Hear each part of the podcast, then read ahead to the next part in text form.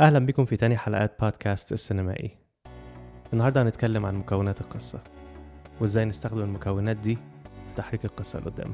أهم أربع مكونات القصة هما المكان السؤال الحدث والشخصية.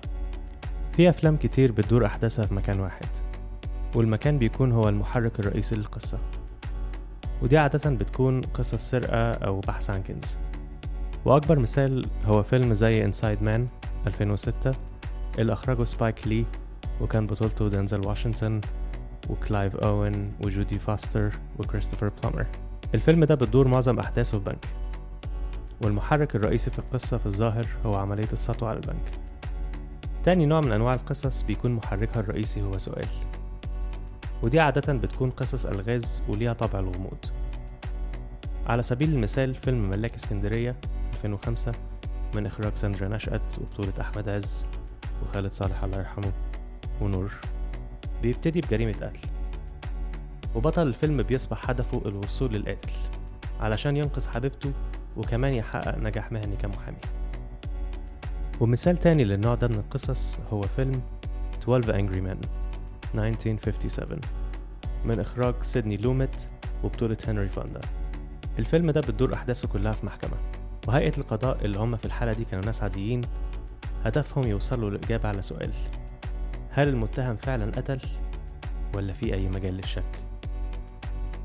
النوع الثالث من محركات القصة ويكاد يكون أهم نوع هو الشخصية. والنوع ده متعرف عليه في هوليوود بمصطلح ال character driven stories. وعادة بيكون الصراع الداخلي للبطل هو محور أحداث القصص دي.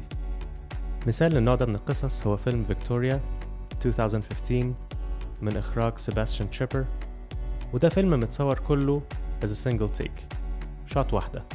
في الفيلم ده شخصية البطل اللي هي فيكتوريا طالبة إسبانية في ألمانيا عندها حب استطلاع. ونفس الصفة دي بتتسبب في تورطها في مشاكل كتير في ليلة من الليالي. آخر نوع من مكونات القصة ومحركاتها الرئيسية هو الحدث.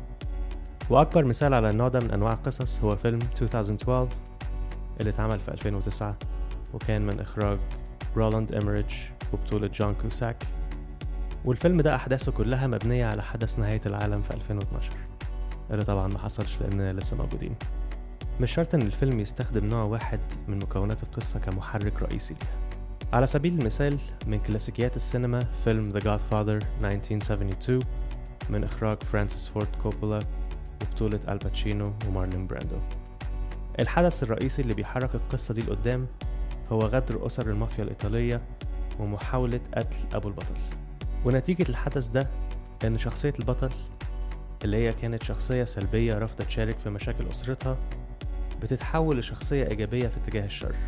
والأهم من ده إن شخصية البطل بتبقى هي المحرك الرئيسي في بقية القصة. لو عجبتكم حلقة النهاردة please like و share و subscribe ولو بتسمعونا على ال iTunes سيبوا لنا review اشوفكم الحلقة الجاية.